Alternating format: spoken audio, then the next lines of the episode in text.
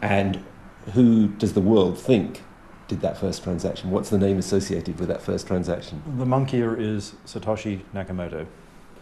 So you're going to show me that Satoshi Nakamoto is you. Yes.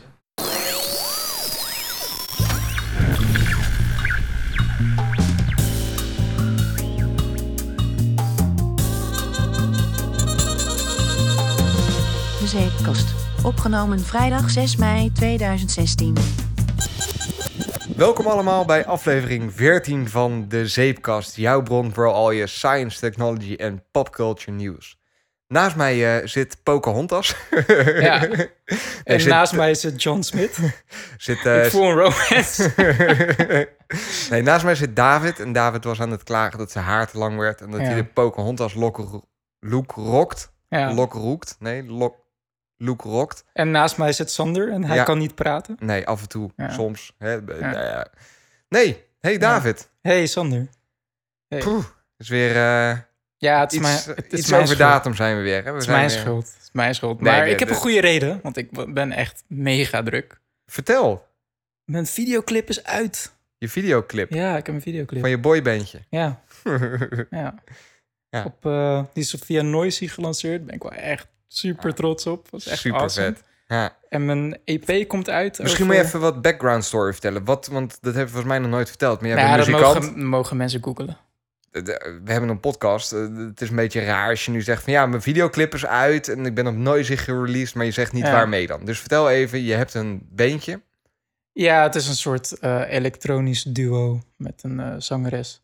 En we gaan onze eerste EP releasen. Het is geen 14. soort elektronisch duo, toch? Het is gewoon een elektronisch duo. Oké, Nou, nou, nou, we doen wel wat akoestische dingen er doorheen hoor. cool. Hoe heet is Secret Oracles met een Z. Met een Z. Z. Ja. weareoracles.com. Zo, zover de advertentie. Cool, ja. Sponsored by. Sponsored by Oracles. Ja. Nee, dat Nee, mag, eh, mag er best in, toch? Ja, even voor deze keer. Ja, Omdat, eh, ik knip ja. het er gewoon uit voor we live gaan. Oh, ga jij, ga jij het editen? Nee, awesome. shit, dat heb ik me op mijn hals Awesome, gehaald. eindelijk. Hè, jemig. Ja. Maar daar ben ik gewoon zo mega druk mee. Zo. En, eh, ehm, dus ja, sorry. Nee, ja, echt cool. even... Ja, Ja. nee, maar super vet. ehm, 14 mei, am- als je in de buurt van Amsterdam bent, Sinatol, 5 euro entree. Dan ga ik, eh, heb, heb ik een EP-release party met nog twee hele vette andere bandjes. ja, super vet. Als je nou komt, ik kom ook trouwens. ja, Kom dan wel even hoi zeggen en zeggen dat je via de zeepkast komt. Dat is cool. dat zou wel echt heel grappig zijn. Ja, toch? Ja. Dat zou wel heel grappig zijn. Nou, vet. Krijg Heb je eh, genoeg eh, PR er doorheen gegooid? Ja, en dinsdag speel ik op 3FM. Ik weet alleen nog niet hoe laat. Oké, dus heel de dag luisteren dinsdag Ja, naar 3FM. Ja, Ja. Het zal wel ergens in de avond zijn, 10 uur of zo. I don't know. 3 voor 12 radio, toch? Ja, Dat is avonds sowieso. dat is 's avonds. Ja. Ja. Dat is niet om Ik, 7 moet er, ik, moet, ik moet om half negen in Hilversum zijn. Dus het zal wel ergens na half negen zijn. Ja. Het zou een beetje gek zijn als... Ah, time traveling. ja. Dat gewoon eerder... Nee, ja, cool. Dus zover mijn, mijn smoes Ja, dat ik weer de zeepkast heb vertraagd. ja. Heb ik nog interessant... Nee, ja, ik heb, Heb jij een eigenlijk, eh, smoes? Nee, ja, ik heb geen interessante dingen in mijn leven. Ik denk, ik ga er nu even tegenop bieden. Maar Nee, jij, jij, jij moet eh, met belangrijke dingen bezig gaan. ja, afstuderen. en zo. Ja, precies. Eh, nee. Af en toe bel ik Sander even van... eh, ja, ben je aan het... nee, Ben je wel echt bezig? Nee, ja. Nee, Nee, en hoor. dan, nee, Maar goed. Cool. Houd in de gaten. Oracles. Weareoracles.com. Ik zet het wel in de show notes. Cool. Ja. Oké. Dat, eh, ik zoek heel hard naar een bruggetje. Zal ik gewoon weer een hele slechte erin gooien? Ik, eh, ik, ik zit hier gewoon heel passief op de bank. Ja, nee, ja, de ik koptelefoon op van run die show. run die show. Ja. Nee, ik, eh, ik vind jouw bandje wel magisch. ja, jij hebt het al een keer live gezien, dus... Ja, daar, ik vond het best Ja. wel magisch. ja, je moet het nu even gaan Het was wel echt een, reviewen. een, een sprong voorwaarts. Is dat zo? Ja, een- een magische sprong. Wat vond je er zo magisch aan dan? Nou ja, de sprong. Oh, De sprong van magie vond ik heel goed. Nu we het dat- toch over magische sprongen hebben. dit, oh dit, is zo, het is al veel te snel dat het al zo melig wordt. Wat is er aan de hand? Nee, joh, dat, is- dat moet kunnen Ja. af en toe. Ja. Komt er allemaal uit nu. Het wordt weer zomer, temperaturen rijzen, wauw, Oh, ja. rokjes komen uit de kast. Mannen die eh, denken niet Ook langer met met, rokjes. een... ja. hersenen, maar andere delen. De, nee, ja, dit gaat nergens naartoe. Re- red je er, ik zat echt, ik zit echt lost- aan te kijken van Ja. red, hoe red je je Ja. hieruit? I lost my train of thought. Maar magische sprong, Ja, Magic Leap, ik red je even. thanks. Hoezo? Het het brugje was toch wel duidelijk? Ja, dat is een mooi bruggetje. Magic Leap. pesten. Ja. Cool. Eigenlijk de nieuwste, eh, of nou nieuw, het is helemaal niet nieuw. Ze hebben nog niks. Ze hebben Dus niks. Ze hebben nog niet eens een beta-product. Maar, Maar het is op wat- papier wat is het heel ze? cool. Ehm, Magic Leap is eigenlijk een van de partijen die meedraait in de hele ehm, oorlog om Ja, de arms race zou je wel kunnen Ja. zeggen. Ja. koude oorlog rond de, de virtual reality.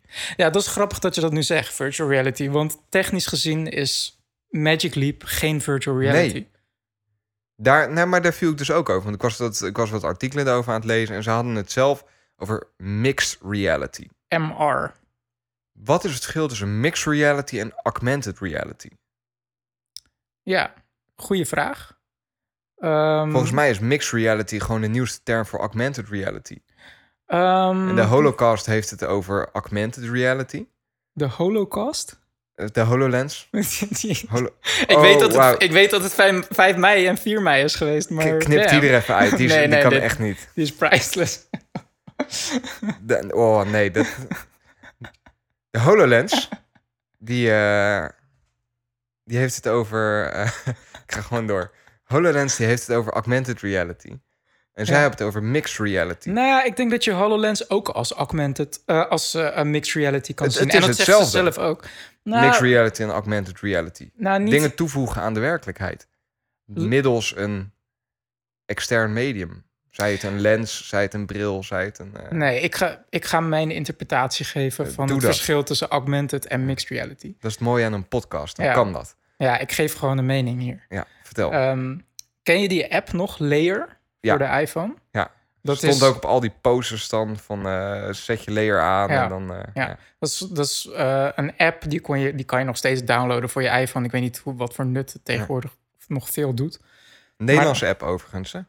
Die best wel Ja, hoge, klopt. hoge Nederlands- ogen heeft Nederlandse wereldwijd. Ja. Ja, ze waren vrij vroeg met het hele eh, augmented reality gebeuren. Maar dan had je, had je bijvoorbeeld op een poster, wat jij zegt, op een reclamebord of zo, zag je dus een, een, bijvoorbeeld een logo van Layer. En dan wist je van, ik kan hier mijn iPhone op richten. En dan krijg je een, een extra laag over de poster. Dan, de meest simpele vorm was dat je gewoon geleid werd naar een YouTube-filmpje of een website. Maar soms deden ze wel, eh, ehm, wel slimme trucjes dat je ehm, als het ware het wat jij zag, zag je op het, zie je op het scherm van je telefoon. Ja. En dan is er op, het, Dat op werkt de met poster... je camera, geloof ik, toch? Dat werkt met je camera. Het is alsof je je foto-app opent, maar dan wordt het digitaal, wordt er dan een plaatje bijgevoegd. Nou. Ehm, en dat is dus ja, een soort van laag die een producent ergens op kan zetten. Vandaar de naam, layer. Inderdaad, layer. En dan wilden ze dat steeds verder gaan uitbreiden. Dat als je ergens stond en ehm, dan had je bijvoorbeeld een soort plugin geïnstalleerd, geïnstalleerd over de historie van Rotterdam of zo. En dan kon je met je, eh, je, je, je telefoon kan je heen en weer bewegen en dan richt je op het stadhuis en dan krijg je daar informatie Ja. over. Of een, een Twitter layer en dan eh, kan je dus zien waar de afgelopen half uur ergens iemand getwitterd heeft of zo. Dus dat zijn lagen die je dus via een app, telefoon, eh, Over de werkelijkheid heen leggen. over de werkelijkheid heen legt. De andere meest bekende voorbeeld is VR, virtual reality, Ja. wat HoloLens doet. Eh, nee, niet Nee. eh, Oculus Rift doet, Ja. bijvoorbeeld. Eh, of de HTC Vive. Volgens mij hebben we dit al wel eens uitgelegd. Het verschil Nee. tussen augmented reality en Nee. virtual reality. Nee, ik weet vrij zeker van niet. Nou, Ja. Ik Nou, ga misschien heel kort. Ja, Ja, oké, weet en anders. hè? Eh, maar, met, met, eh, maar even puur om, om het verhaal in context te brengen. Want het- Mhm. het is wel zo dat er inderdaad vaak over drie dingen wordt gesproken: VR, MR en AR. mhm. En eh, VR is dus dat je met Oculus Rift dat je hele, hele nieuwe werkelijkheid eigenlijk. je, je zet een bril op en je wordt getransporteerd naar een compleet andere alien, science fiction of noem het maar op. Een, een compleet nieuwe virtuele realiteit. Jouw huidige realiteit wordt vervangen met een nieuwe realiteit. Ja. Ehm, met MR Mhm. eh, mixed reality, dat zit ook in je hele gezichtsveld. Mhm. Dus dat kijk je niet door een lens per se, zoals een telefoon. Ehm, waarop je naar een QR-code moet richten of zo. Een, een MR-bril, die is volledig aware van jouw omgeving. Ja. En die kan daar een nieuwe lagen aan toevoegen. En dat zie je dus heel veel. En dat is eigenlijk waarom ik Magic Leap op, de, op, eh, op onze eh, show notes lijstje heb gezet. Mhm. Dus ze hebben laatst een tech demo uitgebracht. Ehm, waarin je dus eigenlijk eh, iemand ziet die achter een soort van kantoordesk zit. En die kijkt dan om zich heen en die krijgt dan op zijn tafel krijgt hij, een, een, een soort kaart te zien. En dat hij dan bergbeklimmers kan volgen of, zo, of een route kan uitstippelen. Eh, en dan, krijgt hij in, dan kijkt hij opzij en dan komt daar opeens een, zo'n chatbox eh, tevoorschijn. En dat is helemaal aware van de hele kamer. En dat is in Mhm. principe wat HoloLens van Microsoft dus ook doet. Ja. Waar je bijvoorbeeld een videogame in hebt dat je door jouw kamer heen loopt. En die kan, het programma kan zich aanpassen Aan jouw omgeving. aan je omgeving. Dat, je bijvoorbeeld een spel hebt dat je tegen aliens vecht en dat die aliens uit jouw muur komen. En dan hoef jij niet overal QR-codes te plakken, wat, wat bijvoorbeeld met Layer wel zou moeten, met augmented reality. Nee, dat- is dat helemaal afhankelijk Maar van. HoloLens wordt gemarket als augmented reality.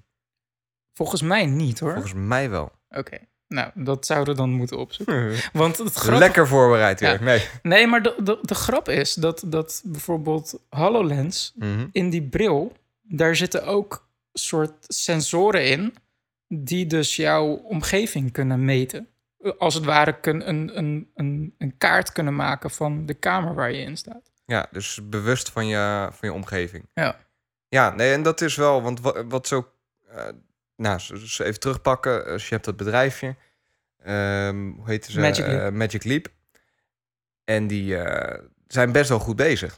Nou, wat mij eraan opviel is dat ze echt belachelijk veel funds krijgen. Want ze zijn niet de enige. Er zijn, er zijn echt best wel veel bedrijven die een gooi doen eh, op een vorm van, ja, laat ik maar zeggen, een andere reality. Het VR, Ja. MR. Ze zijn, iedereen is eraan aan het mee, eh meedingen Ja, eigenlijk. Hè? in maar- die, in die wedloop. ergens doet. ehm, dit, eh, er is ook een schrijver van Wired. Die heeft ook een soort van een demonstratie gekregen. Ja. En hij beschreef het ook echt alsof. Eh, eh, eh, wat, je, wat hij zag, de digitale objecten die in zijn gezichtsveld werden geprojecteerd, Ja. dat dat gewoon fotorealistisch was. Dat het gewoon ik, eh, ik heb dat artikel... onderdeel, Hij was helemaal van zijn... flabbergasted ook erdoor, hè, hoe goed Ja. dat werkte. Ja. Ja.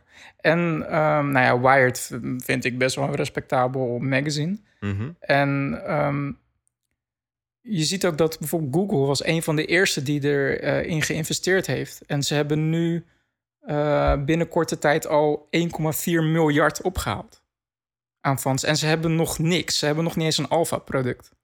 Het zijn alleen maar pro- prototypes en eh, ze hebben niks aan developers eh, uitgeleverd. Het is allemaal super geheim nog. Maar je voelt gewoon, bij Magic Leap voel je gewoon ergens dat ze daar iets aan het koken zijn, zeg maar. Wat die, gewoon de hype heel zit daar heel erg ook. worden.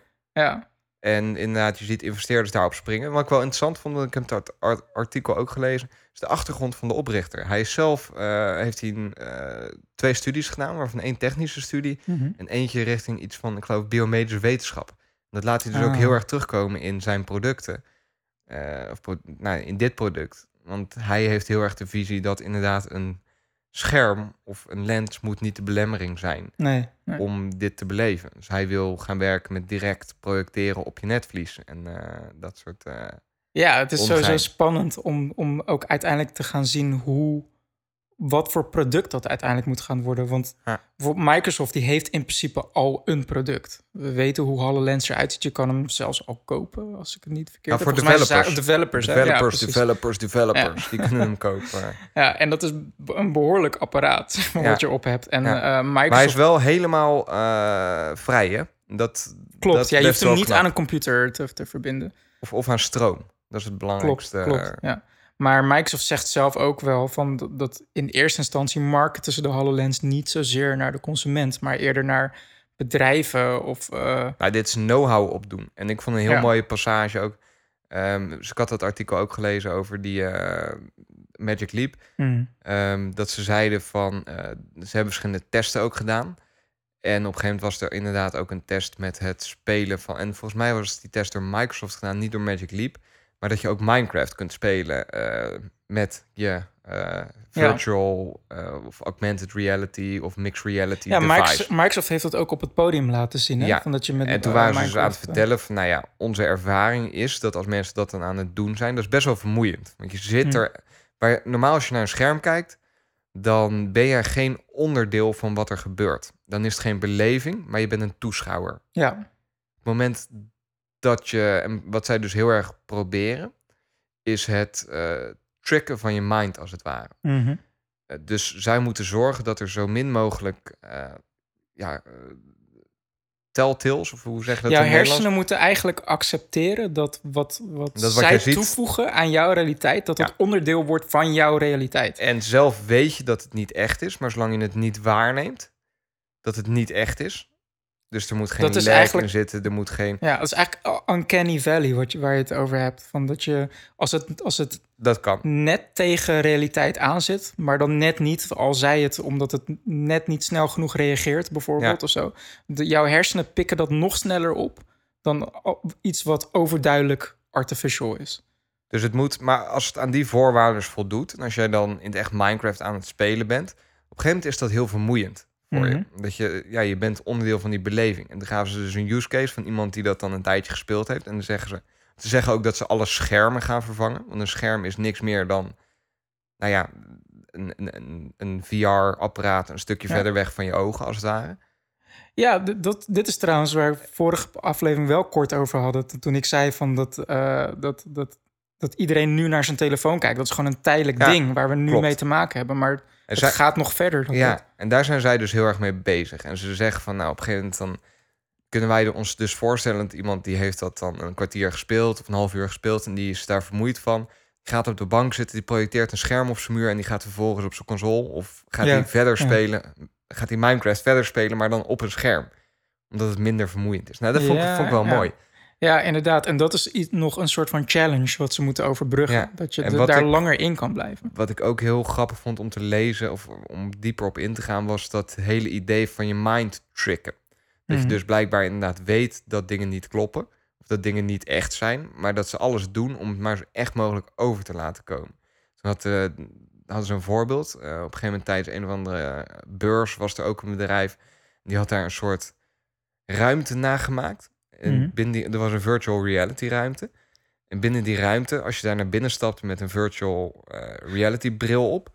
Dat was een soort van... Was ja, dat niet bij TED van dit jaar? Dat heette Void, volgens mij. Dat mensen de Void ingingen. Ja, volgens mij wel. ja, ja, Ja. ja, ja, dat heb ik over gelezen. ja. En dan zet, eh, zet je dus ook die bril op. Eh, er zaten accu's in en je kreeg heel pak aan, zodat je wel echt helemaal los zat. En dan ging je daar naar binnen. En dat was gemaakt door een eh, magician. Ja, dus, ja, een illusionist. illusionist. ja, Ehm, en, nou, en, en, en nog wat mensen. En eh, wat, Dus- wat ik dus heel interessant vond, wat ze dus blijkbaar gedaan hadden. Want in die ruimte stonden dan een aantal objecten ook. En die konden dan meerdere dingen voorstellen. Als jij Mhm. bijvoorbeeld die ruimte instapte en je keek naar een boekenkast, Mhm. dan stond er maar één fysiek object in die ruimte die een boek moest voorstellen. Mhm.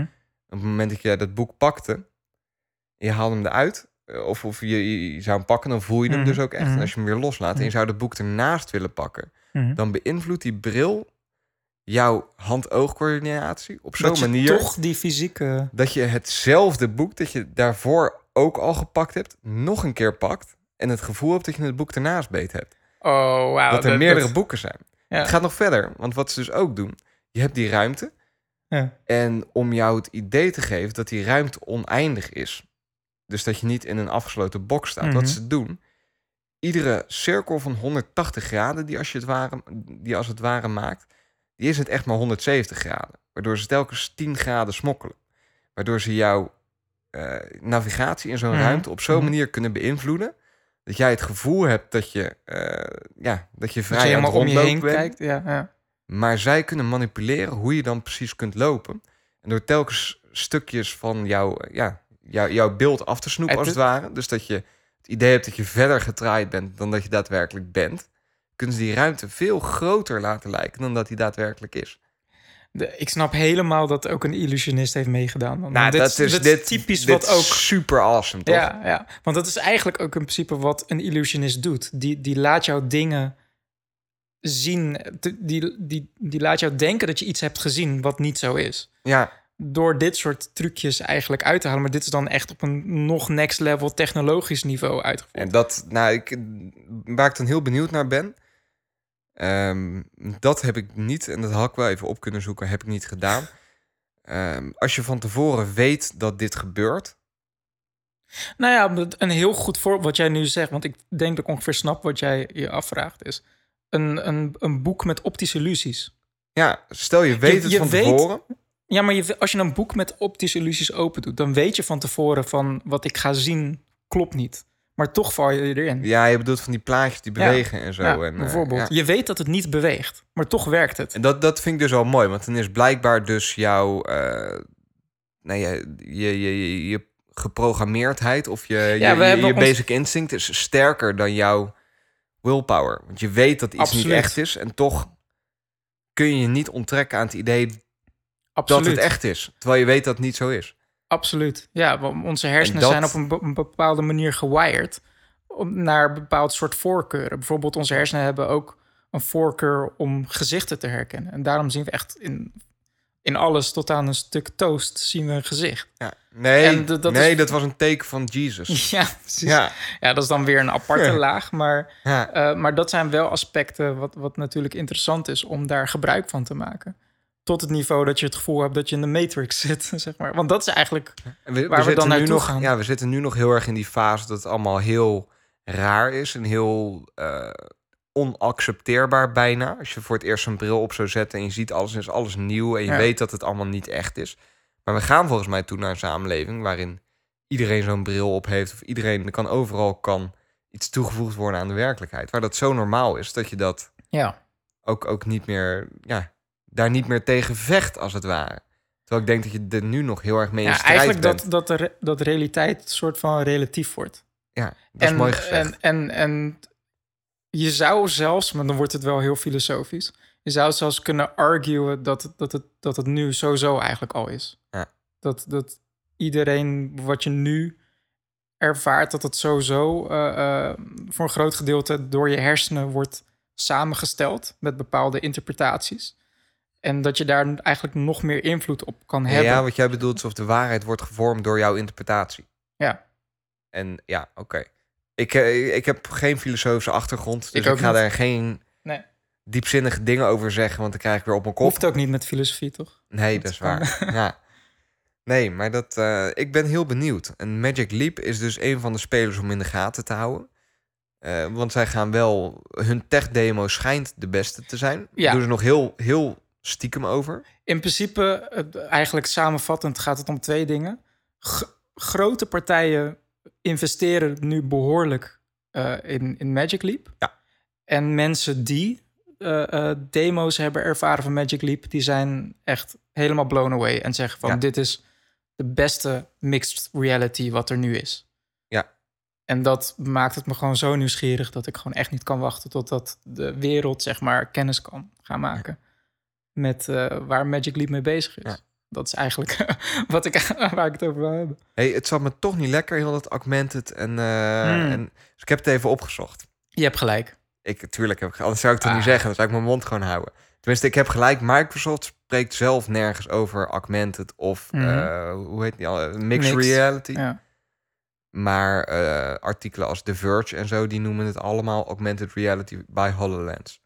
Ja, dan is het toch inderdaad een goede vraag van... Dus volgens mij, Is is, het, zijn het nou synoniemen? Of het volgens nou mij past dat wel mooi in het plaatje van een soort wapenwedloop die er is. Waarin ieder merk ook eigen termen gaat bedenken. Dus Ja. Microsoft noemt Of het dat- augmented reality. eh, Magic Leap noemt het eh, mixed reality. Omdat ze zich superieur voelen ten opzichte van HoloLens. Nou, het is nog geen echt bestaande Nee, techniek. Nee. Dus iedereen, ja, dus vandaar. Dus dat past wel mooi in het plaatje. Maar ik ben sowieso dus nieuwsgierig wat Magic Leap nou gaat onderscheiden van HoloLens. Want de makers zelf, die hebben het ook over dat, ze, dat je hun product absoluut geen lens mag noemen.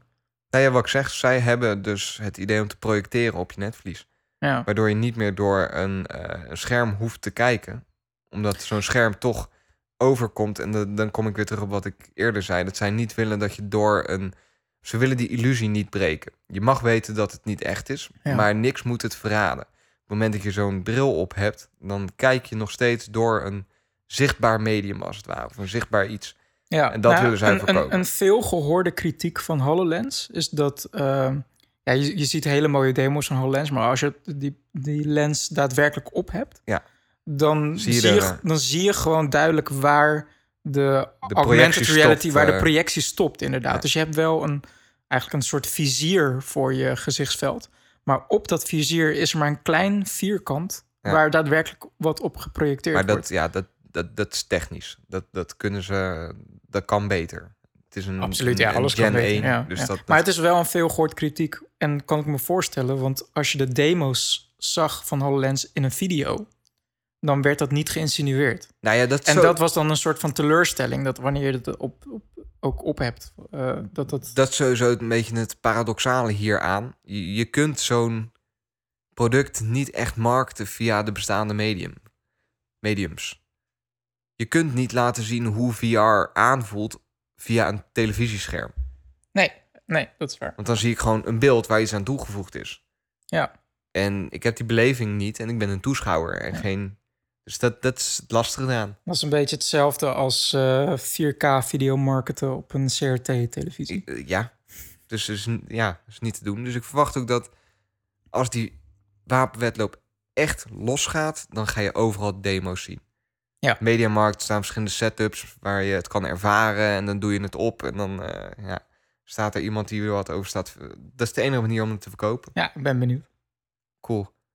Heb jij nog iets eh, nuttigs te zeggen over Magic Leap voor de rest? Nee, ja, het, is, het is gewoon een kwestie van eh, eh, afwachten. Het, het, het, de hype begint, dat is het eigenlijk. En wij doen even mee om eh, Ja. Magic Leap te hypen. Om ook intelligent over te komen. ja, nou goed.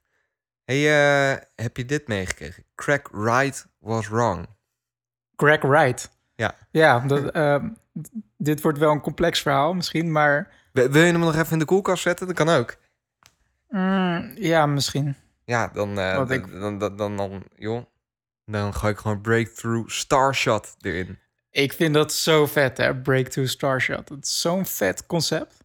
Want Ja. het is dus aangekondigd eh, weer door Yuri Milner samen met Stephen Hawking. Ja, dat is wel een soort dynamic duo of zo, hè? Ja, want ze zijn, daar hebben we trouwens, volgens mij was dat We hebben het zelfs, wel eens eerder over hun gehad. Met, volgens mij eh, was het in onze pilotaflevering. Breakthrough Listen of zo. ja, dat was een Eh, dubbel project. Dat was eh, Breakthrough Message en Breakthrough Listen inderdaad. Ja. Ehm, Yuri Milner is een Russische eh, Miljardair. in- miljardair entrepreneur. En hij is space freak. En Ja. hij gebruikt nu eigenlijk gewoon zijn middelen om, om de progressie van de mensheid in, met space, zeg maar, trouwens flink mooi. uit te breiden. Als je miljardair bent, tuurlijk ben je dan entrepreneur. Je kan overal geld tegenaan gooien en dan kan je jezelf True. entrepreneur noemen. Ik True wil iets that. met space doen, want Of ik heb is echt heel veel met space. Hier is 100 miljoen. Ik ben entrepreneur. Of hij is miljardair geworden doordat hij entrepreneur was. Eh, Russisch, ik denk olie. Ik heb zo'n vermoeden, ja. Ja, ja, dat weet ik niet.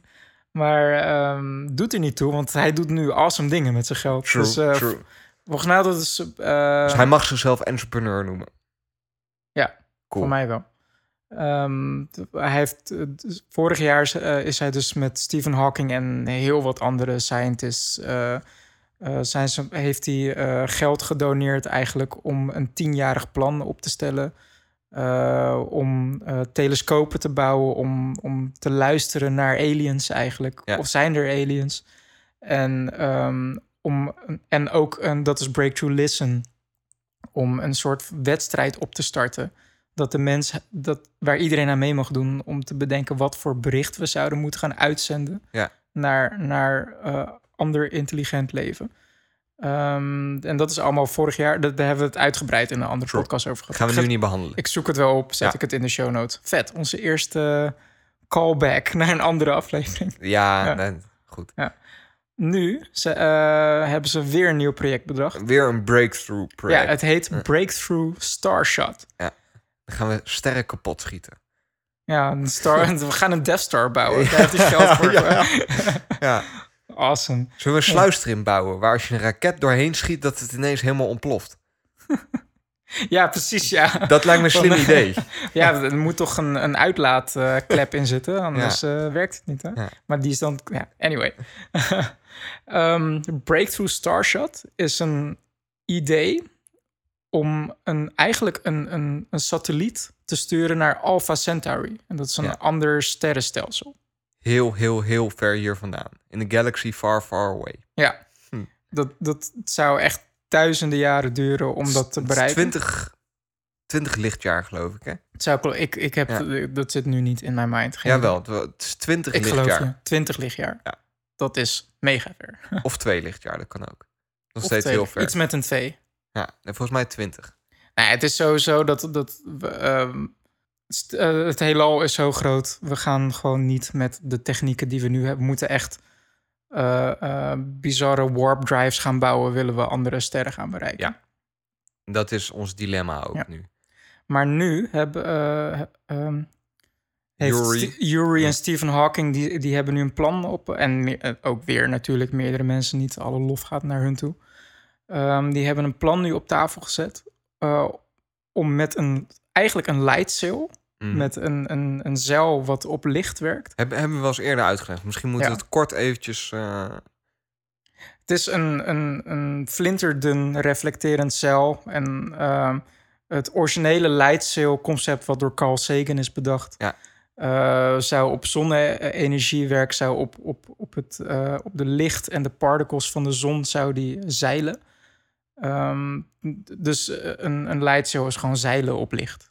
With light beams, light sails, and the lightest spacecraft ever built, we can launch a mission to Alpha Centauri within a generation. Today, we commit to this next great leap into the cosmos. Because we are human, and our nature is to fly. Dat is wat het is. Ehm, dat concept willen ze nu verder uitbreiden. Het, het, het doel is, daar moeten we misschien mee beginnen, is een, een, een, een satelliet mhm. tot 20% van de lichtsnelheid versnellen. En dan bereikt hij eh Alpha Centaur- Centauri in 20 tot 25 jaar. 20 jaar lees ik net. 20 ik heb het even opgezocht. Het is ook twee lichtjaar. Want dat- Twee lichtjaar, nee, dat, dat klinkt logisch. Dus Ja. twee lichtjaar, in 20 jaar is het bereikt het Alpha Centauri. dat is echt... Dat, dat kun je niet voorstellen hoe snel dat is. Dat is 20% van de lichtsnelheid is bizar snel. Ja. Ehm, hoe doen ze dat nou? Oké, het eerste concept heb ik dus net uitgelegd. Sail, dus een zeil wat, wat versneld wordt door licht. Ja. Het grote voordeel van een sail is dat je... je kan je schip ontzettend licht maken... omdat je geen brandstof mee hoeft te nemen. Als je nou een raket stuurt naar Mars... als je raket begint, is het ontzettend zwaar. En Ja. dat, dat, waarom is dat lastig? Om versnelling te creëren. Je moet zoveel massa gaan versnellen. Uh, dus het is een soort van paradox. Van je hebt brandstof nodig, je hebt een propellant nodig om te versnellen. Maar die propellant zorgt er ook weer voor dat je veel massa creëert, waardoor je dus meer propellant nodig hebt Ja. om te versnellen. Dus dat is eigenlijk gewoon het hele lastige eraan. Met light sail heb je geen propellant nodig. Het is gewoon een zeil wat geduwd wordt als het ware door licht wat er tegenaan knalt. Um, dus dat is het tweede grote voordeel. Je kan het, het object kan je ontzettend licht maken. Ja. Omdat je geen brandstof mee hoeft te nemen. Um, en hoe gaan we dan... Uh, Het heeft ook een constante versnelling dan, hè? Dus hij is, zolang licht dat raakt, zal die sneller gaan. Ja, dat, dat is in theorie kan dat. Maar dat gaat niet met, met uh, dit project gebeuren. Want het volgende onderdeel is een bizar groot laser array op aarde. Ja, array uh, is gewoon area. Is, nee, ja, een array is gewoon een, een meerdere hoeveelheid in een grid ja. geïnstalleerd. Uh, um, ik weet niet hoeveel, laten we zeggen 50 lasers. Gewoon een, een veld met lasers. Een veld met lasers. Ja. Podcasttitel. Veld met lasers. Een veld met lasers, ja. ja. ja. Die dan op de lightsail beamen voor twee minuten. Er wordt echt gigawatts aan energie worden er tegenaan ja. geknald. En dat gedurende voor twee minuten. En dan stopt het. Dus voor twee minuten wordt hij uh, versneld. En voortgeduwd, ja. ja dus een zetje gegeven, zeg maar. Dus dat is een acceleratie van ja. tot 20% van de lichtsnelheid in twee minuten. Ja. Dat is bizar. Dat is, dat is echt mega snel. Ja. Ehm, eh, wa- eh, wa- waar de, de New Horizons, die deed er tien jaar over om Pluto eh, te bereiken. Ja. Dit, de, de, de Starshot-object zou er echt binnen, volgens mij, een aantal dagen of zo voorbij knallen. Gewoon. Dat is echt bizar, bizar, snel. ja. Ja. Wel goed om daar, want eh, ze gaan die lasers pas schieten als dat ding al in de ruimte is. Hè? Ja, kijk, dit, dit, nu komen we op een punt. Het is nog echt een concept. Ja. Dus dit project ehm, is nog niet uit te voeren. Want er zijn nog een aantal. We hebben niet alle technologie nog. eh, de, de basisprincipes hebben we. Ja. Sail hebben we. Dat wordt op dit moment getest door de Planetary Society. Ehm, Japan heeft ook eh, eh, niet zo lang geleden best wel een succesvol missie gestuurd naar Venus met een light sail. Ehm, dus light sail, dat concept staat er. Ja. Het concept van lasers hebben we ook. Ja. Het zit in eh, CD-spelers, DVD-spelers. Dat, dat is niet bijzonder. Alleen de challenge wordt: hoe ga je zo'n gigantische laser array, hoe ga je dat bouwen en koelen? En eh, richten. hoe ga je het object richten naar Alpha Centauri? Er zijn Ja. er heel veel. De basisblokken zijn er. Maar om die blokken samen te brengen, dat wordt nu de, de, de uitdaging. Ja. Nog een laatste, eh, en dat geeft dan misschien nog het meeste eh, aan wat de uitdaging is. Is dat, ehm, oké, we hebben het zeil, dat is de manier om eh, het, het object, de satelliet, naar, eh, te versturen. Maar wat wordt de satelliet? Dat Ja. wordt een satelliet ter grootte van een postzegel. Ja. Die 1 gram weegt. En wat moet er op die postzegel zitten? Er moet een, toch een vorm van ener- batterij op zitten. Waarschijnlijk een soort van Ja, gelezen. energie. Er moeten eh, camera's op zitten. Want het idee is dus dat, dat we foto's gaan maken van een ander sterrenstelsel. En die foto's moeten dan ook weer opgeslagen Ja, worden. dat is vet. En verstuurd Hoe ze worden dat versturen doen. eh, via een antenne. En dat waarschijnlijk het idee is nu dat de leidsail zelf ook als een soort antenne gaat fungeren. Om de foto's terug te sturen naar de aarde. Via licht. Ja, ja naar lasers. Ja, dat is wel cool. Dus, ehm, en ehm, zo'n satelliet kunnen we nu nog niet bouwen. De- Nee. Alles wat ik nu heb opgenoemd, dat moet allemaal op een postzegel pas van 1 gram. En ze banken dan ook een beetje op eh, hoe snel het nu gaat met eh, het kleiner maken van elektronica. Wat je nu ziet bijvoorbeeld met, met smartphones, dat was eh, 20 jaar geleden ondenkbaar. Dus daar hopen ze, daar zijn ze eigenlijk ook soort van afhankelijk van. Ehm, maar dat neemt niet weg dat het gewoon echt een mega vet Is Dit, dit is Dit is waar ik van over fantaseerde toen ik echt zes was. zeg maar. Heb je 100 miljoen, ben je nog steeds afhankelijk. Ja, maar, maar Hm. dat is te grappig dat je zegt, want geld is nooit de oplossing per se. hè. Nee. Maar Nee, tenzij je entrepreneur wil worden. dan is er alle, overal een oplossing. hey, wat, wat ik ook nog mis in jouw verhaal, wat wel een belangrijke toevoeging is, is dat ze, want zou je denken, nou dan sturen we één zo'n dingetje en die schiet er langs en dan hebben we vier foto's ervan. Mhm. Maar ze willen dus meerdere van die dingen tegelijkertijd willen ze gaan ze- sturen. Precies, ze willen geen... ehm, Ze willen eigenlijk een vloot aan Ja. van die chips, willen ze in één keer naar Alpha Centauri gaan ja, ze schieten. willen achter elkaar willen ze er tientallen, misschien wel honderden achter elkaar sturen. Inderdaad, Ja, die willen ze met één, één raket dan geloof ik, tenminste dat is wat ik gelezen heb, dan eh, in de ruimte krijgen. En dat is allemaal nog nu, ja. Dat zal vast nog fluctueren, dat plan. En op het moment dat die daar dan zijn, dan schieten ze dus met al die lasers één voor één schieten ze die dingen af. En dan Ja. hopen. Dan wachten we eh, 20 jaar. Moet je voorstellen hè, dat er dan bijvoorbeeld intelligent leven is in, eh, op een planeet ergens in Alpha Centauri. En dan zien ze opeens voor honderd van die dingen opeens voorbij vliegen. Het is wel een beetje Wat rare hel. kennismaking Ja. met een andere levensvorm.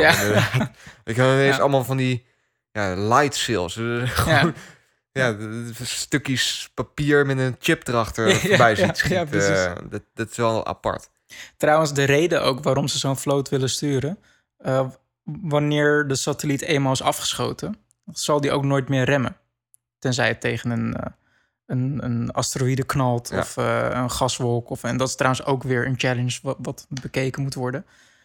Dus waarschijnlijk heeft het om, gedeeltelijk te maken met redundancy.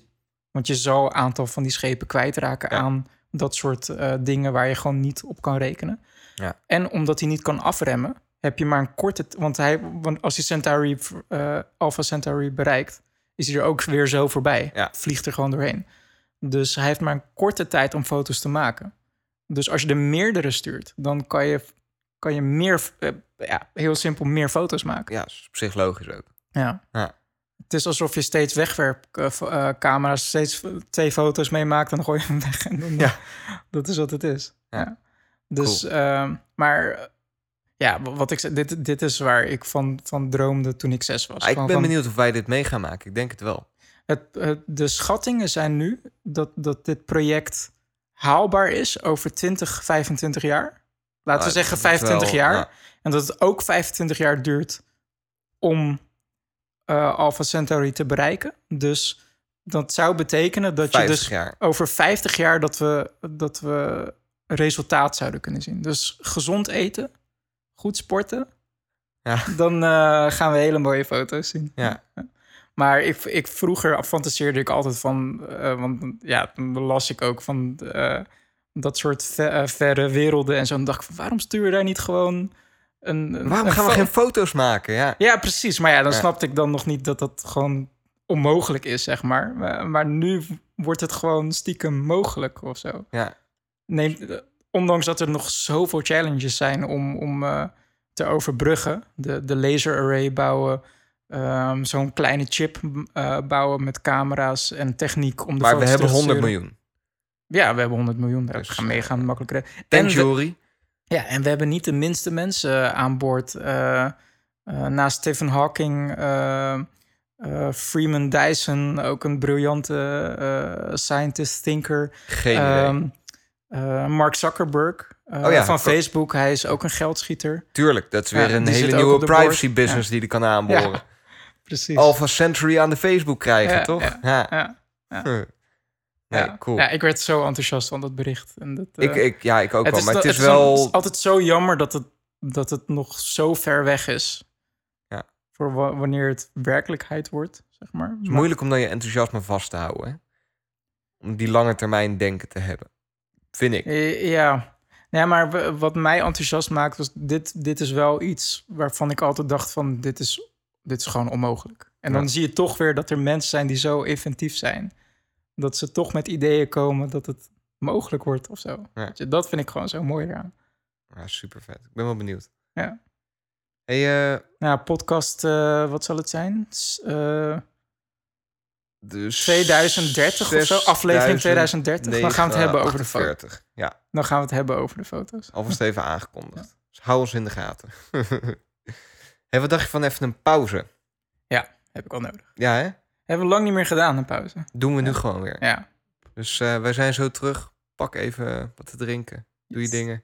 cool. Tot zo. Obama out. Oh ja. And with that, I just have two more words to say. Obama.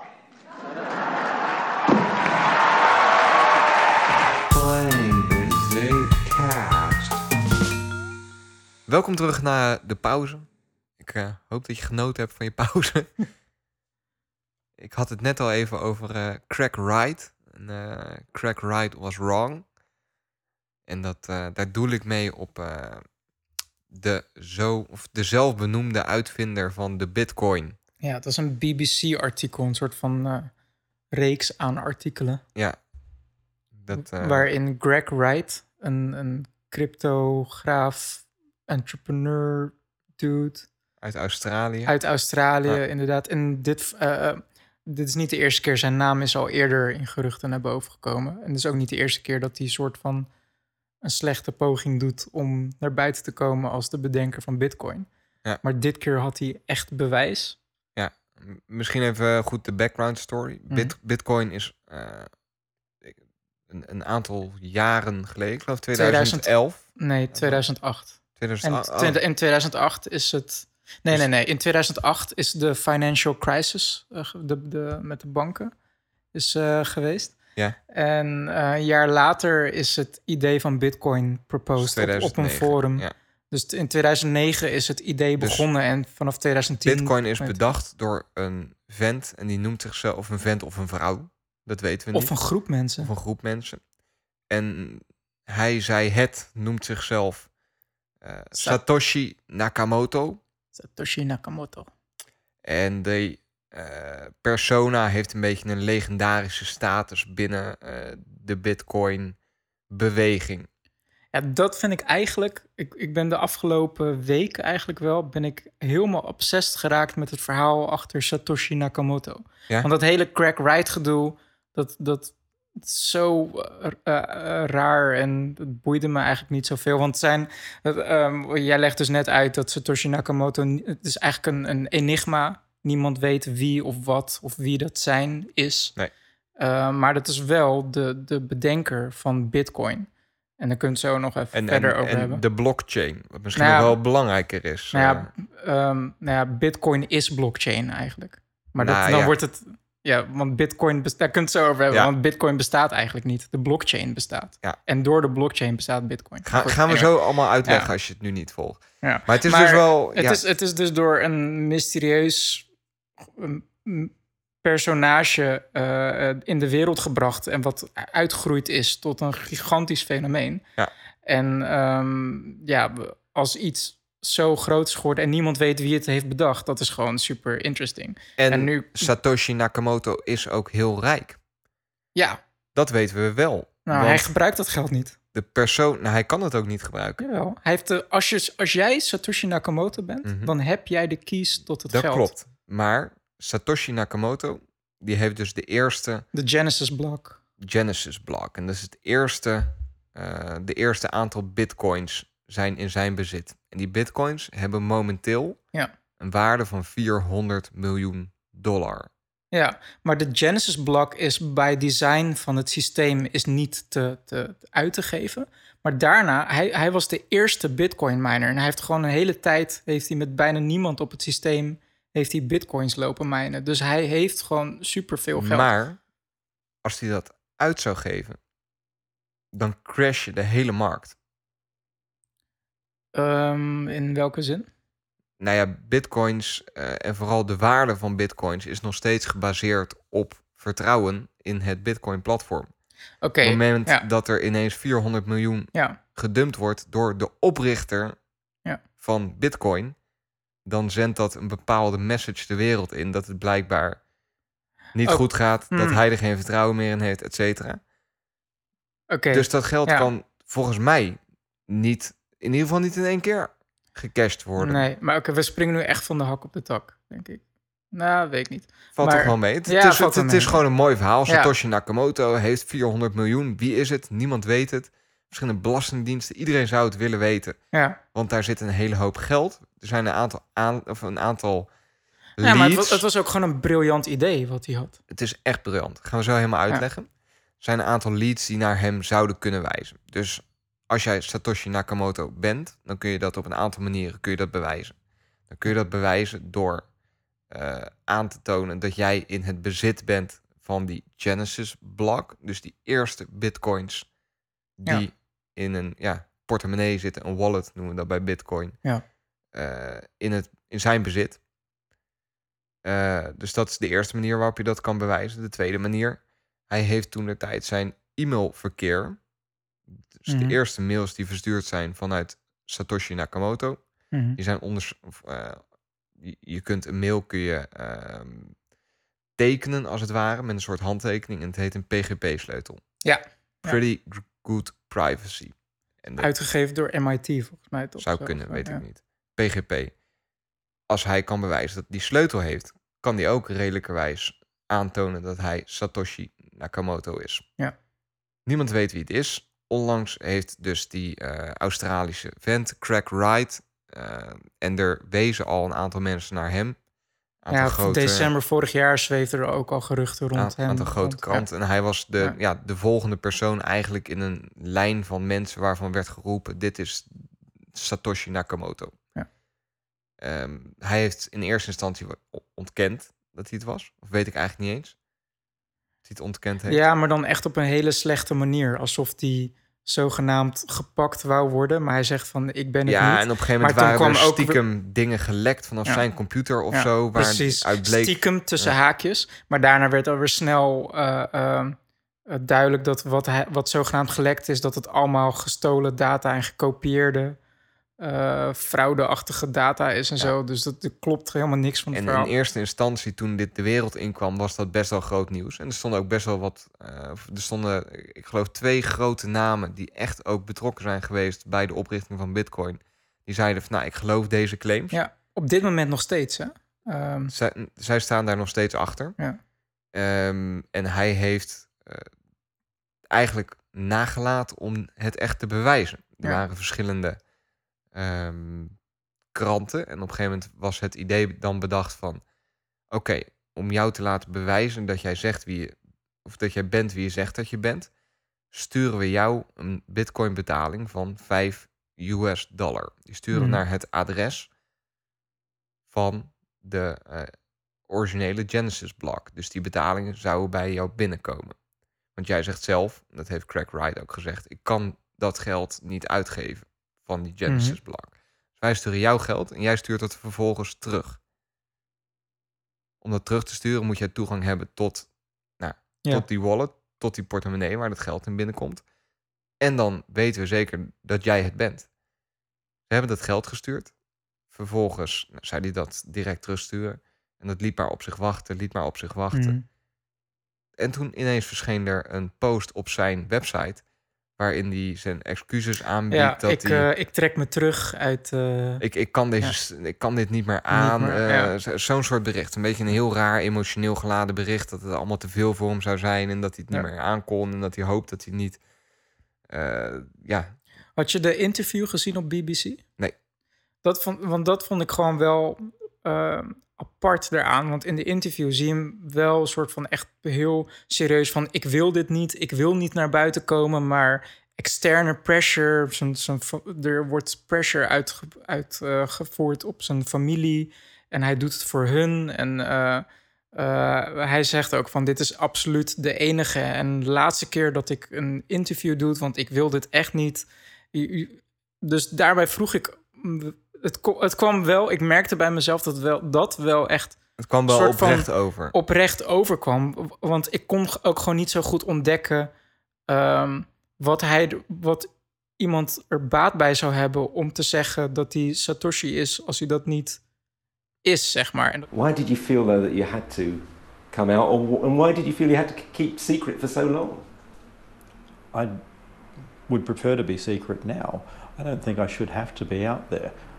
There's nothing owed to the world where I have to come out and say, I am X, I am Y. I mean, there are lots of stories out there that have been made up. And I don't like it hurting those people I care about. So I'm going to do this once and once only. I'm going to come in front of a camera once.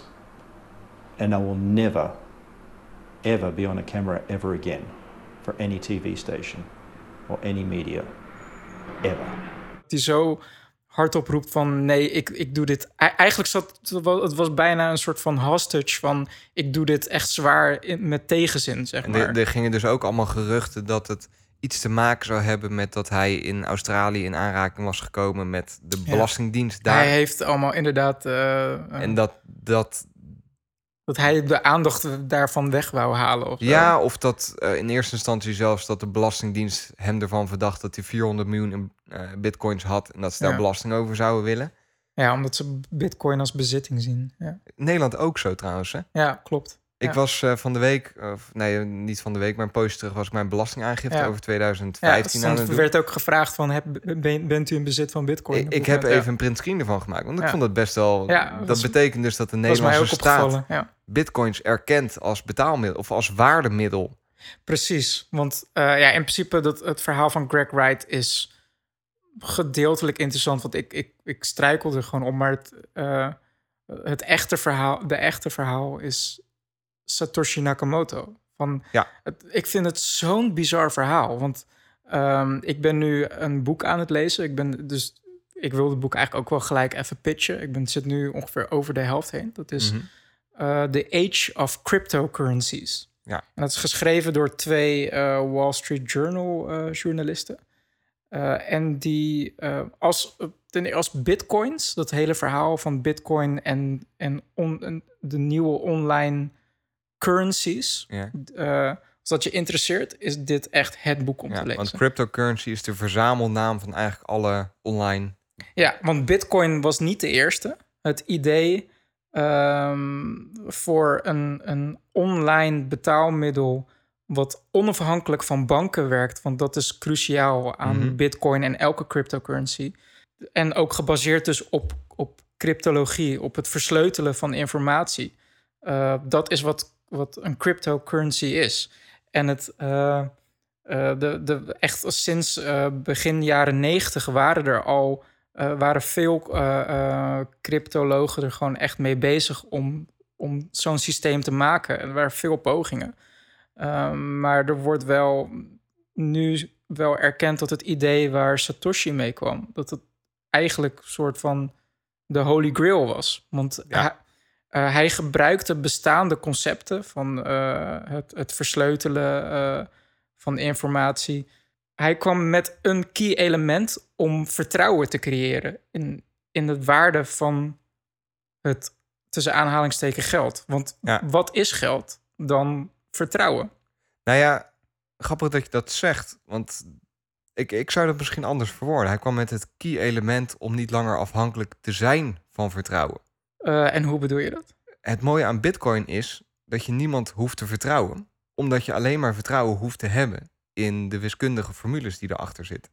Ja. Ik hoef jou niet te vertrouwen dat als ik jou een, uh, een Bitcoin stuur. Maar dat is dus. Um, um, of nee, laat ik het anders zeggen. Jij hoeft mij niet te vertrouwen als ik jou een Bitcoin stuur, dat die ook daadwerkelijk bij jou aankomt. Klopt. Zonder dat daar een bank tussen komt. Maar er is nog steeds vertrouwen in het spel, vertrouwen in het systeem. True.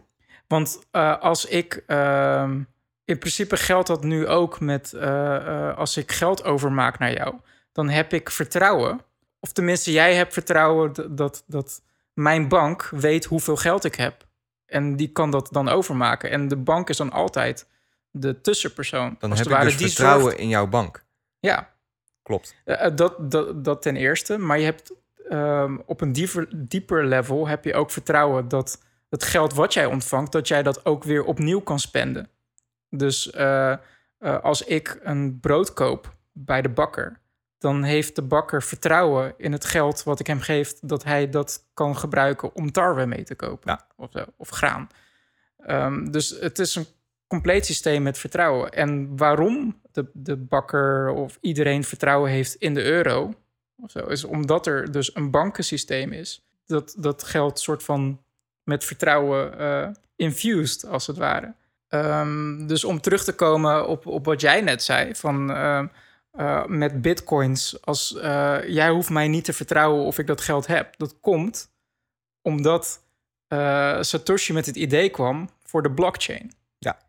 En de blockchain is dus, dat zei je ook al, een soort van een, een wiskundig systeem, wat constant gecheckt wordt door iedereen in het systeem, door meerdere computers, door een netwerk van computers.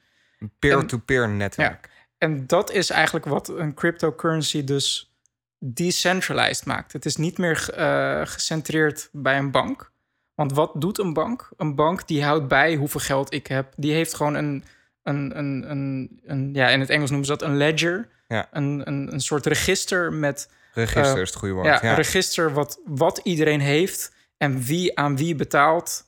Uh, een, een, register aan transacties en hoeveel waarde iedereen bezit. Ja, wat, wat de blockchain in feite oplost, en dat is het probleem waar uh, alle cryptocurrency experts dus niet uitkwamen, is het probleem van double spending. Ja, dat, dat is key, double spending inderdaad. Double spending is het probleem waar ze telkens tegenaan liepen. En dat houdt in, als ik David één...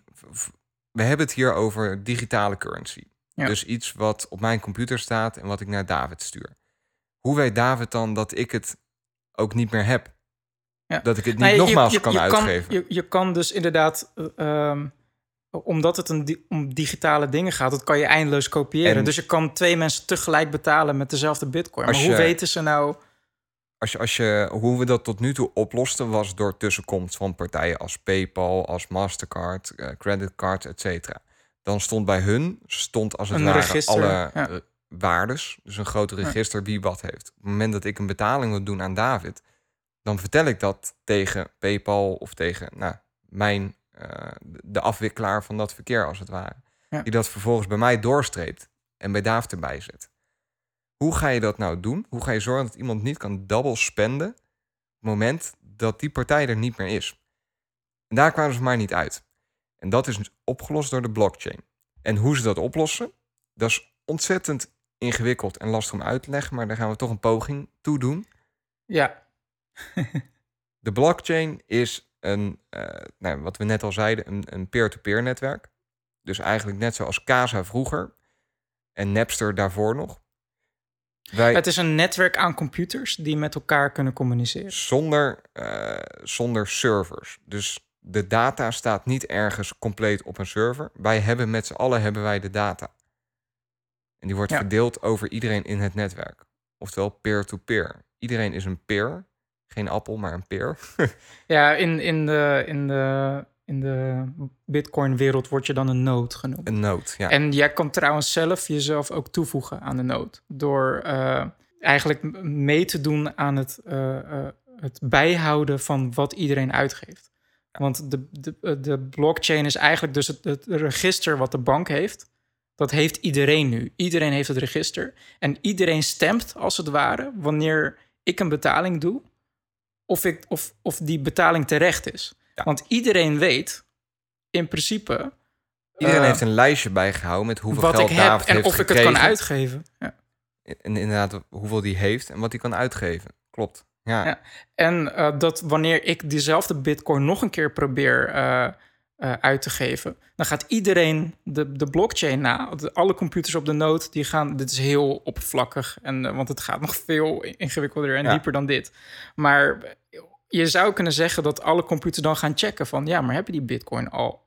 Heb je die bitcoin nog? Oh, maar dan zien ze van, ja, maar een uur geleden heb je hem al uitgegeven aan Sander. Nee, dus, Dus dus, deze transactie is illegaal, dus die komt niet op de blockchain, dus je spent hem niet. Dus iedereen in het netwerk heeft als het ware die blockchain op zijn computer staan. En Het is gewoon een lijst aan iedereen betalingen. checkt de waarheid. En op het moment dat 51% van het netwerk zegt... dit is valide, dit klopt, David heeft inderdaad dat geld. Want we hebben heel de lijst nagekeken. Tot en met helemaal het begin. En we zien dat David nooit Ja. 5 euro heeft uitgegeven... maar wel Ja. 5 euro heeft ontvangen. Ja. Die wil hij nu uitgeven, dus hij heeft die. Ja. Wordt opgenomen in de blockchain. De volgende keer dat David 5 euro uitgeven... dan doet hij dat. Dan gaat iedereen in de blockchain weer kijken. En iedereen ziet, dus gaat weer bij het begin beginnen. Die ziet, oké, David heeft 5 euro gekregen. Die kijkt wat verder. Oh, maar hij heeft gisteren al die 5 euro uitgegeven. Dus Ja. hij heeft geen 5 euro. Ja. Dus die heeft hij niet meer. Dus de betaling gaat niet door. Komt niet in de blockchain. Wordt niet validated. Nee. In het boek eh, Age of eh, Cryptocurrencies wordt een heel mooi voorbeeld aangegeven aan een, een stam in Micronesië. Die hebben eigenlijk dit concept op een heel kleinschalig niveau ook al een keer uitgevoerd. Oh, wat Dat grappig. is super grappig, ja. Want dat is dus een stam die, die hebben dan een, een eh, die hadden ook een soort currency, een, een, een gel- geld, wat dat noemden ze de FE, F-E-J. En toen kwamen ze dus ook, eh, want het was eigenlijk een heel, ehm, ja, fictief abstract. Ze, ze, ze traden geen schelpen of zo. Ze waren echt met een fictieve hoeveelheden bezig. Ehm, en toen kwamen ze dus ook tot dezelfde problemen van, ja, hoe kunnen we vertrouwen of iemand de vee wel heeft wat ze zeggen. Ja. Dus toen gingen ze eerst experimenteren met eh, eh, eigenlijk eh, een persoon die verantwoordelijk was om bij te houden wat iedereen had. Eh, en De bank. De bank, ja. Ja. Ehm, maar dat was dus gewoon een persoon van, van, eh, van het dorp, zeg maar, die dus, dus bijhield van, ah, Pietje heeft dit, Klaasje Ja. heeft dit. En oh, ze willen eh, dit uit gaan wisselen, oké, dan houdt hij dat bij. Alleen, ehm, ja, dat was zoveel macht op een gegeven moment dat hij dus ook, als het ware, transactiekosten ging rekenen. Hij ging gewoon een soort van belasting voor zichzelf rekenen. Ja. En hij was natuurlijk, omdat het één persoon is, is hij gevoelig voor fraude. Als de stamhoofd naar hem, op, eh, naar hem toe loopt van, joh, ehm, ik, ik heb... Ik heb eh, extra vee nodig. Ja. Precies, dan eh, wordt dat gewoon geregeld. Give me vee. Ja. Ja, dus mensen kregen dat door en die gingen het heft in eigen handen nemen. Wat gingen ze doen? op het moment, ze gingen in plaats van dat ze één persoon de macht gaven om bij te houden wat iedereen heeft, Mhm. ging iedereen voor zichzelf bijhouden wat iedereen heeft. En op het moment dat iemand een transactie wou doen, ging die letterlijk door het hele dorp lopen en zeggen van ik wil nu, eh, ik noem maar wat, 2V betalen aan Pietje. Dat ging aan iedereen zeggen. En dan ging iedereen dat corrigeren in zijn, in zijn register van oké, nou hij wil dus 2V Ja. eh, overschrijven. En dan moest het hele dorp dus gaan beslissen van klopt dat allemaal? Met klopt dat? Heeft hij dat? Ja, kan dat? Oké, nou, als de meerderheid eh, het erover eens is dat die transactie kan plaatsvinden, dan moet het hele dorp dat aanpassen in zijn register. En dan is het dus gevalideerd door het hele dorp. Grappig, Dus de dat massa- is precies blockchain. Dat is Ja. pre- dus precies blockchain. Ja. En dat vond ik gewoon zo- zo'n mooi voorbeeld. Ja. Ehm, want dus in plaats van dat je dus afhankelijk bent van één machtig instituut, is het dus het systeem, iedereen die met elkaar The beslist. wisdom of the crowds. Ja, Ja. Wil, wil je er dieper in gaan nog, blockchain? Vind je dat leuk? Ja, ik, ja ik, ik zit nu echt behoorlijk in het boek. Ik moet zeggen, ik ben nu best wel tired, dus ik kom misschien wat warrig over. Maar ik ik hou je on track. ja, ik ja, weet er ook best wel veel vanaf, blockchain. Ja. En eh, bitcoins. En, eh, Ja, wat, ik, ehm, wat mij zo fascineert aan het verhaal is dat gewoon... eh, het is begonnen na de financial crisis. Ehm, je zag gewoon dat banken ontzettend misbruik maakten van, van het systeem, als het ware. Waar ze ook een soort monopolie op hebben. Ehm, en wat geld überhaupt zo interessant maakt voor mij... is dat het dus dat je het compleet- niet hebt. ja, oh, dat, dat, Nee. dat ook, inderdaad. Maar het is zo'n fictief concept. Het is puur vertrouwen. Ja. Dat, dat het geld wat we hebben, de papiertjes en de munten, dat is in principe niks waard. Het is Nee. alleen maar wat waard omdat we dat met elkaar hebben in, in het afgesproken. begin stond het nog eh, symbool voor de goudvoorraad. Ja, het Maar- heeft geen... Inderdaad, vroeger... Het was eigenlijk een soort van IOU. Van dat je dus Ja. in principe naar de bank kan lopen. Ik wil dit papiertje omwisselen voor goud. Dat is de gold standard. En je hebt zelfs Ja. nog steeds mensen die daar een voorstander van zijn. Ja, lijkt me niet Eh, handig. Maar Lijkt me ook niet handig. ja. En dat, eh, dus dat wordt opgelost door de blockchain. Moet even een beetje de structuur erin nou ja, houden. kijk, Ja. eh, ehm, wat het, wat het inge- ingewikkeld maakt... is dus wat ik zei, geld is gebaseerd op vertrouwen. Ehm, ik denk dat mensen zijn sowieso... ehm, eh, vinden technologie soms heel erg eh, ondoorzichtig. Ja. Dus eh, het is heel lastig... Of, of ik denk ik voor heel veel mensen om, om te zien wat er nou gebeurt... en waarom iets werkt zoals het werkt, zeg maar. En daarin ligt dus, denk ik, het lastige aan bij Bitcoin. Want als je het technisch gaat bekijken. Eh, en ik, eh, de mensen die er echt mee bezig zijn, die zijn het er eigenlijk allemaal over eens: dit werkt. Ja. De blockchain is een manier om te checken eh, of iets klopt of niet. En dat creëert dus het vertrouwen. Dat werkt, het, het wordt pas een legitiem geldmiddel als iedereen dat vertrouwen heeft. En hoe ga je dat vertrouwen dus creëren bij mensen? Eh, het, het, het zit blockchain sowieso niet mee als je kijkt naar hoe, blockchain, eh, hoe Bitcoin in het nieuws voorkomt. Bijvoorbeeld met Silk, Silk Road. Road. en eh, ja. Dat, dat drugsbaronnen en drugsdealers het gebruiken om, om, om zaken te doen. Hacking. Ehm, want daar hebben we het nog niet over gehad. Ehm, iedereen heeft als het ware sleutels voor zichzelf. Een soort wachtwoord eigenlijk, wat je ook zou invullen op een website als je ergens wil inloggen. Op zich logisch. Je hebt een portemonnee staan met Ja, je met, bitcoins met een erin. wachtwoord. Er zit een wachtwoord op. En als je dat wachtwoord kwijtraakt, dan ben je dus al je geld kwijt. En dat, als je dat in een wallet hebt. ja, en dat is ook gelijk een van de mooie dingen aan het systeem. hè? Ja. dat betekent dat dit een eh, coin is of, of een, een, een eenheid is. Er zijn maar een x aantal bitcoins beschikbaar. Die worden nu uitgegeven. Ik, misschien dat ik zo meteen nog een beetje uitleg hoe, Ja. maar dat is vrij lastig. Ja. Die worden nu uitgegeven. En eh, ik geloof dat ze in totaal 20 miljoen in omloop wi- willen brengen. Kan iets... Ze willen 130 jaar, eh, tot 130 jaar willen ze eh, elke 10 minuten bitcoins uitleveren. Ja. En eh, de hoeveelheid bitcoins wordt om de vier jaar wordt dat gehalveerd. Ja. Dus je hebt een, een, een, een fixed aantal munten. ja. Er is geen Scarcity wordt gecreëerd. Er is geen instantie, er is niks die kan zeggen... wij gaan de pers aanzetten, we gaan extra geld creëren. Ja. Dus je krijgt geen 100 triljard dollar biljetten... eh Nee. Zimbabwaanse toestanden, et cetera.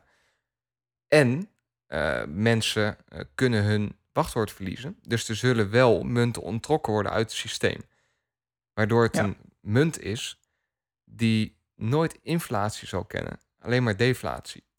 Maar wat ik dus grappig vind, want dit is, dit, dit is zo'n complex verhaal wat we nu ook eh, aan het houden zijn.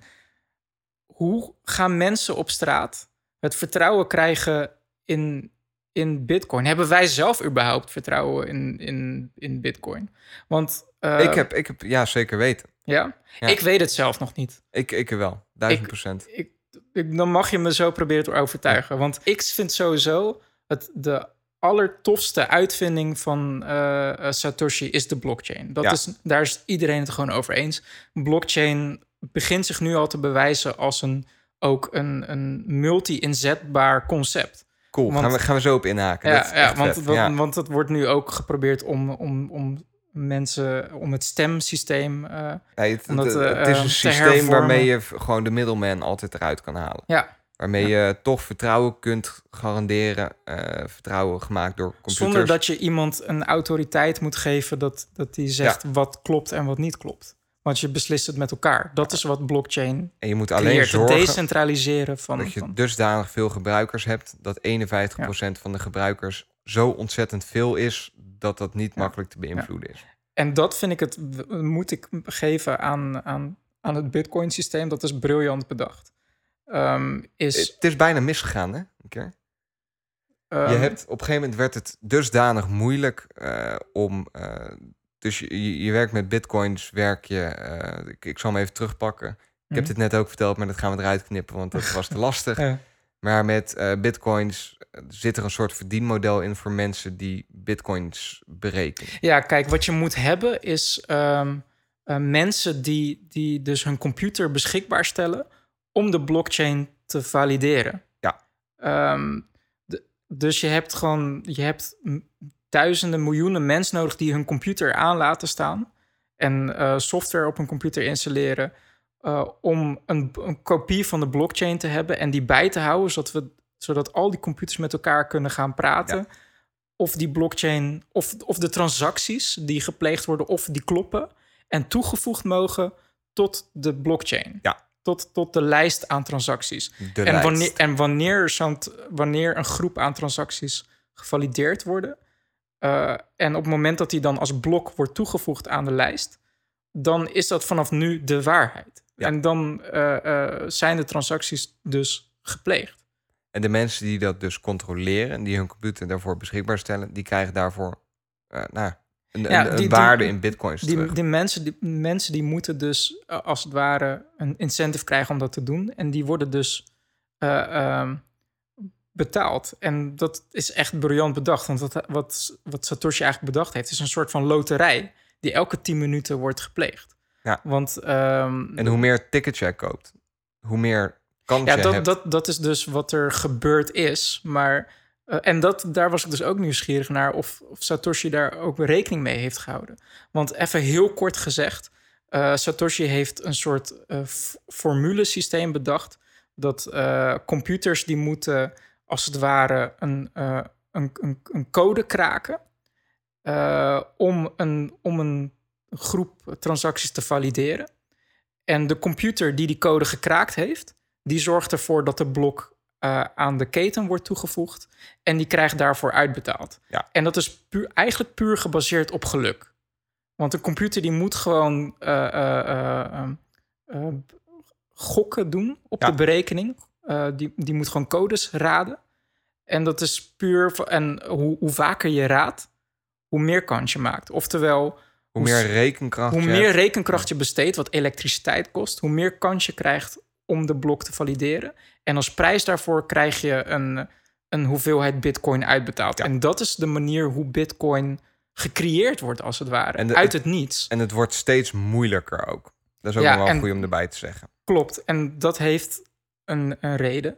Ehm, het begon dat toen Satoshi eigenlijk alleen begon, eh, werd er 50 bitcoin per 10 minuten gemaakt. Omdat elke 10 minuten wordt een blok gecreëerd en daarvoor wordt 50 bitcoin uit eh, gecreëerd. En hij heeft dus bedacht, ehm, dat, dat doe ik 130 jaar lang. En elke vier jaar wordt die reward wordt gehalveerd.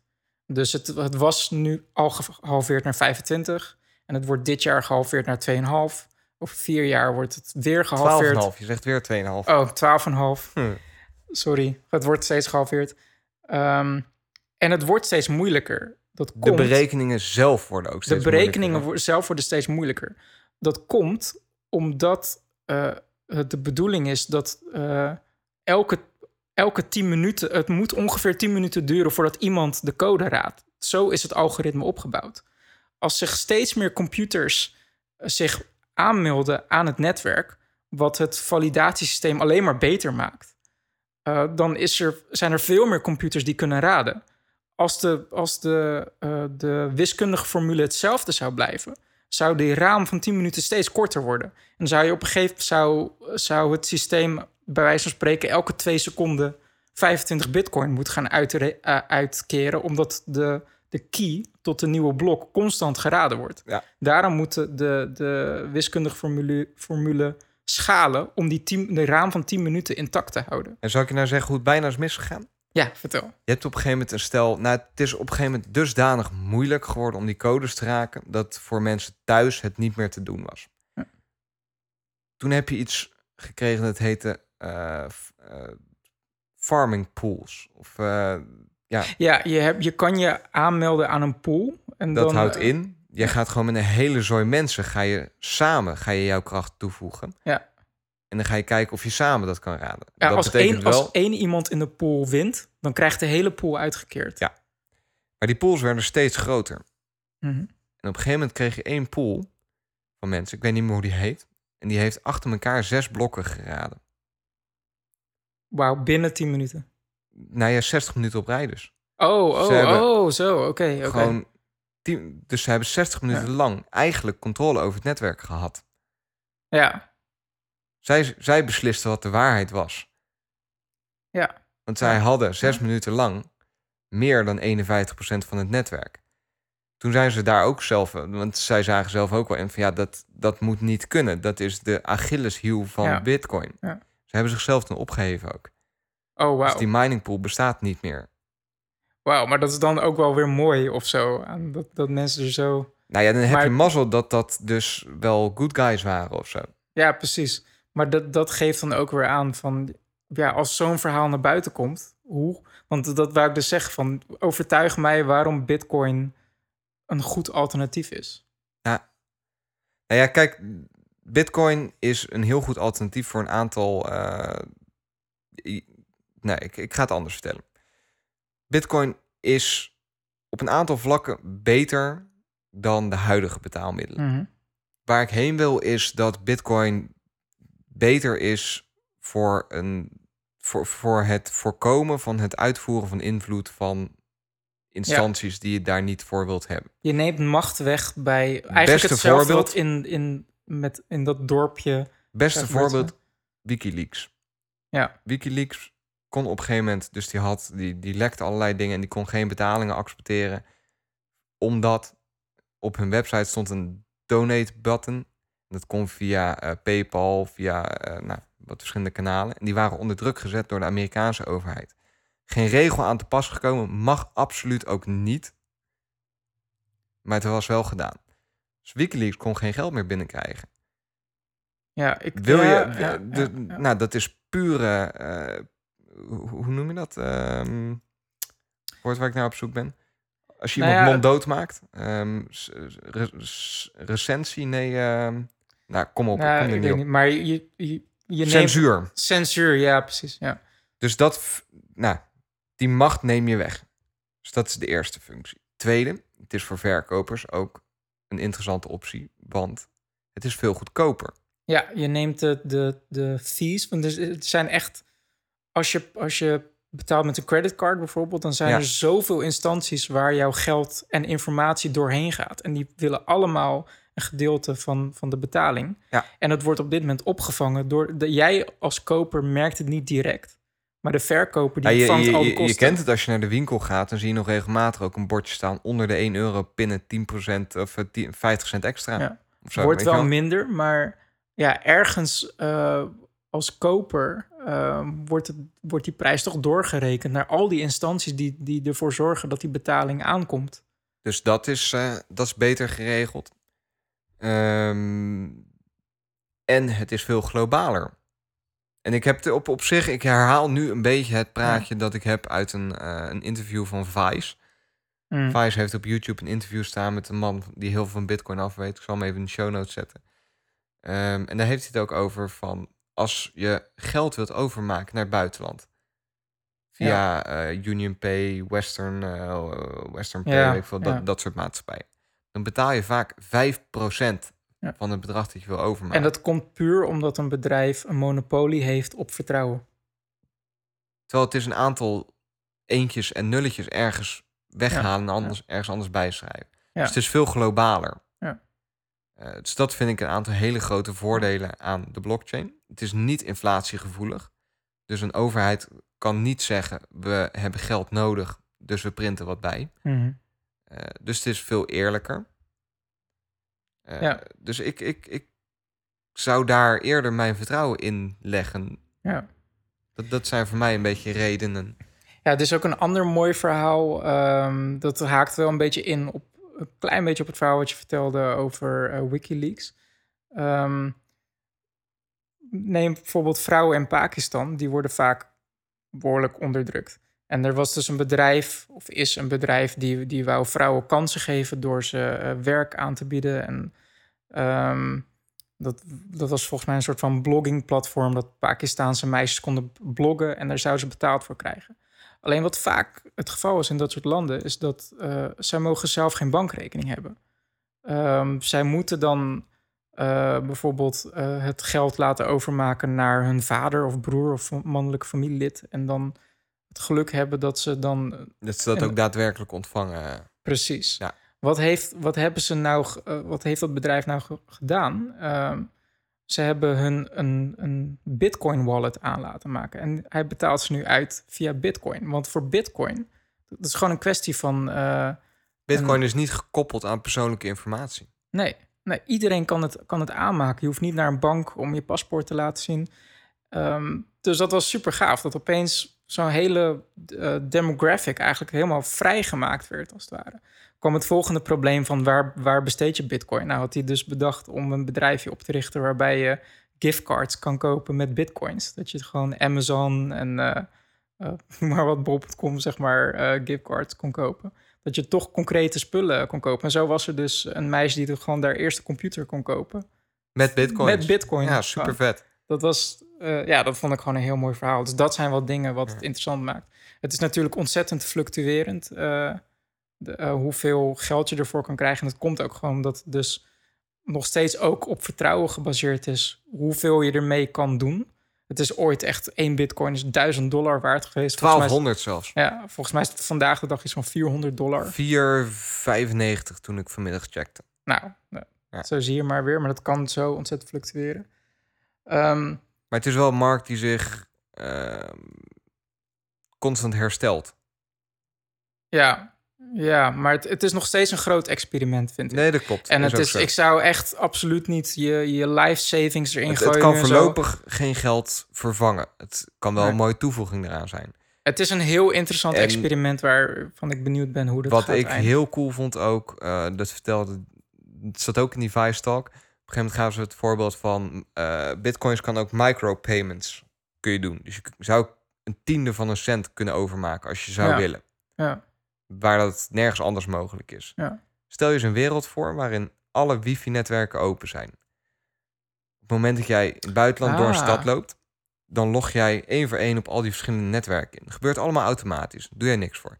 En je betaalt nou, een tiende van een cent hier, een tiende van een cent daar. Verdienmodel voor alle mensen die daar hun wifi openstellen. Want die krijgen daar geld voor. Hoe meer mensen erop zitten, nou, dat gaat dan op tienden van centen, maar dat loopt snel op als maar genoeg mensen dat doen.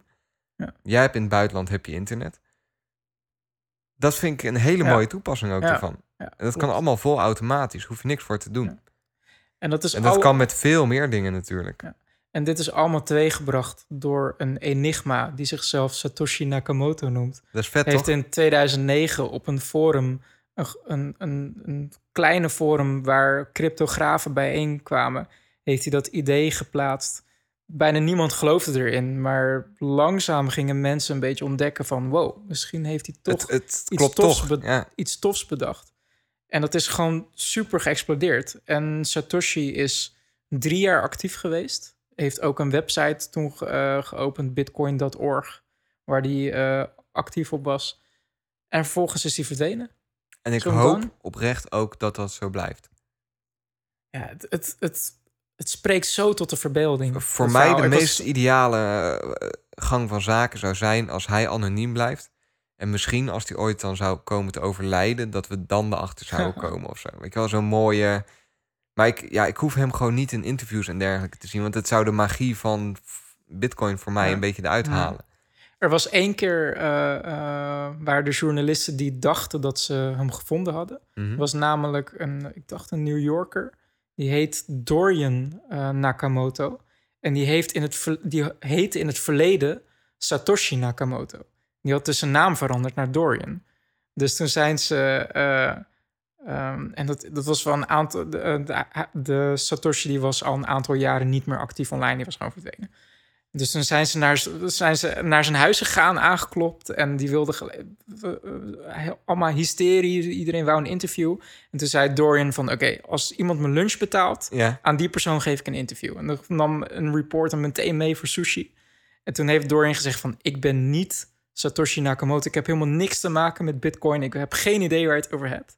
En terwijl die media aan de gang was... ja. eh, eh, werd op een, op een oude forum thread... waar Satoshi Nakamoto in 2009, 2010 actief was... ja. werd een post geplaatst door Satoshi met...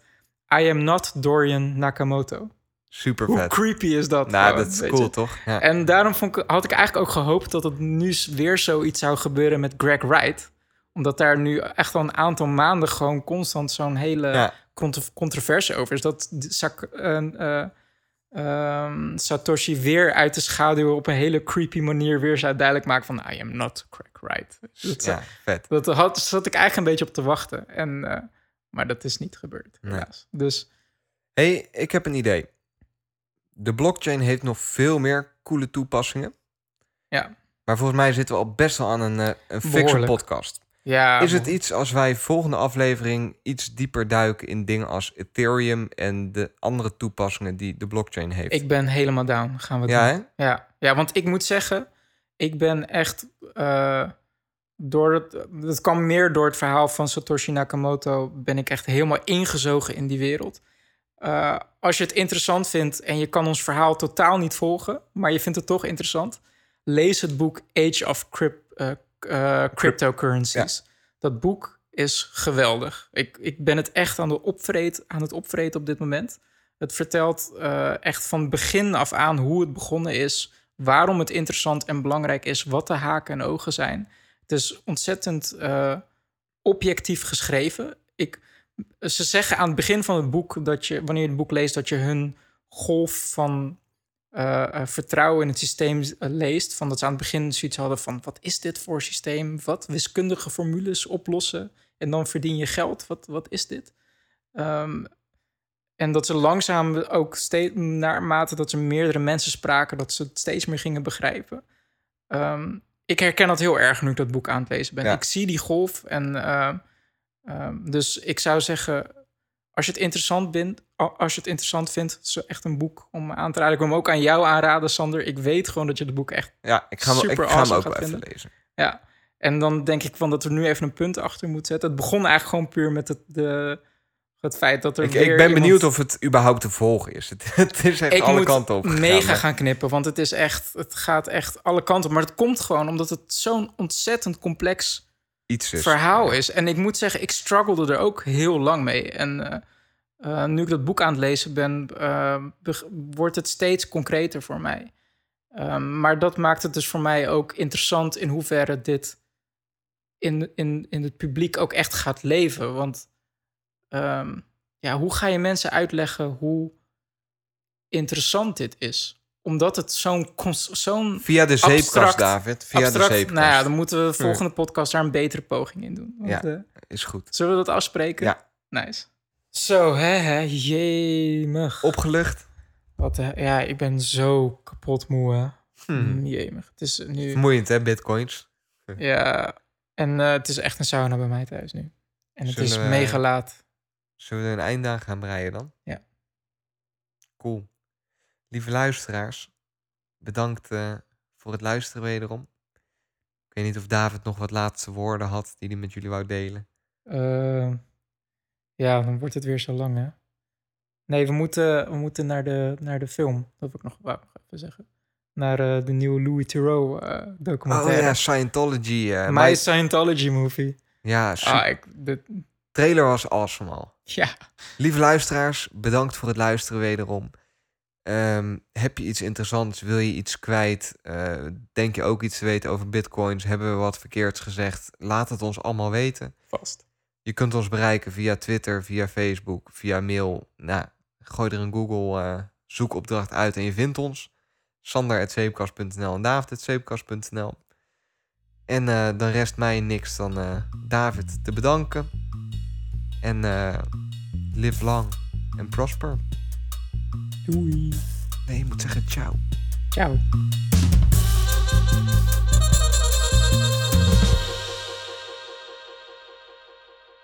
Als je weer met plezier naar de zeepkast geluisterd hebt, kun je ons op een aantal manieren ondersteunen. Dit kun je doen door een review achter te laten in iTunes, de App Store of in Overcast of Stitcher. Deel de zeepkast met je vrienden en kennissen en like ons op Facebook. Nogmaals, enorm bedankt voor het luisteren.